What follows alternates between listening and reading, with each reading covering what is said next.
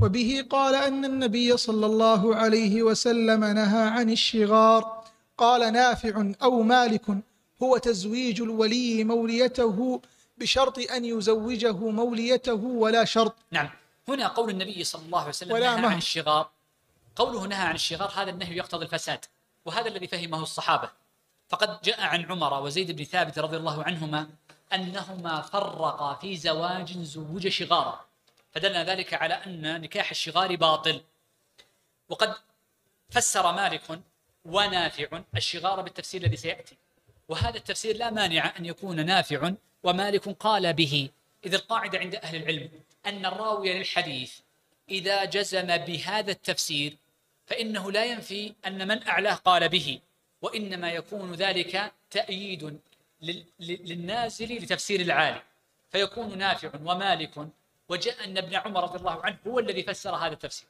قال هو تزويج الولي موليته سواء كانت بنتا له أو أختا أو غير ذلك بشرط أن يزوجه أي الآخر موليته ولا مهر بينهما.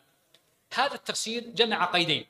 القيد الأول وجود الشرط بأن يكون بضع كل واحدة من الموليتين مهرا للثانية إما على سبيل الكلية فلا مهر بينهما أو على سبيل الجزء بأن يكون بينهما مهرا لكنه منقوص. فهذا هو الشرط الأول. والشرط الثاني قوله ولا مهر بينهما المراد بالنفي هنا نفي مطلق المهر لا نفي آه، آه، مطلق المهر لا نفي جزء المهر لا نفي عموم المهر. لا نفي المهر المطلق يعني. وحينئذ نقول لو وضع دراهم قليلة فإنه يكون نهي شغار كذلك. وينبني على ذلك إذا اختل الشرطان. أنه إذا زوجه وسميا في المهر وسميا في العقد مهرا رضيت به المرأة. لا بد من رضا المرأة لأن هي التي ترضى بالمهر.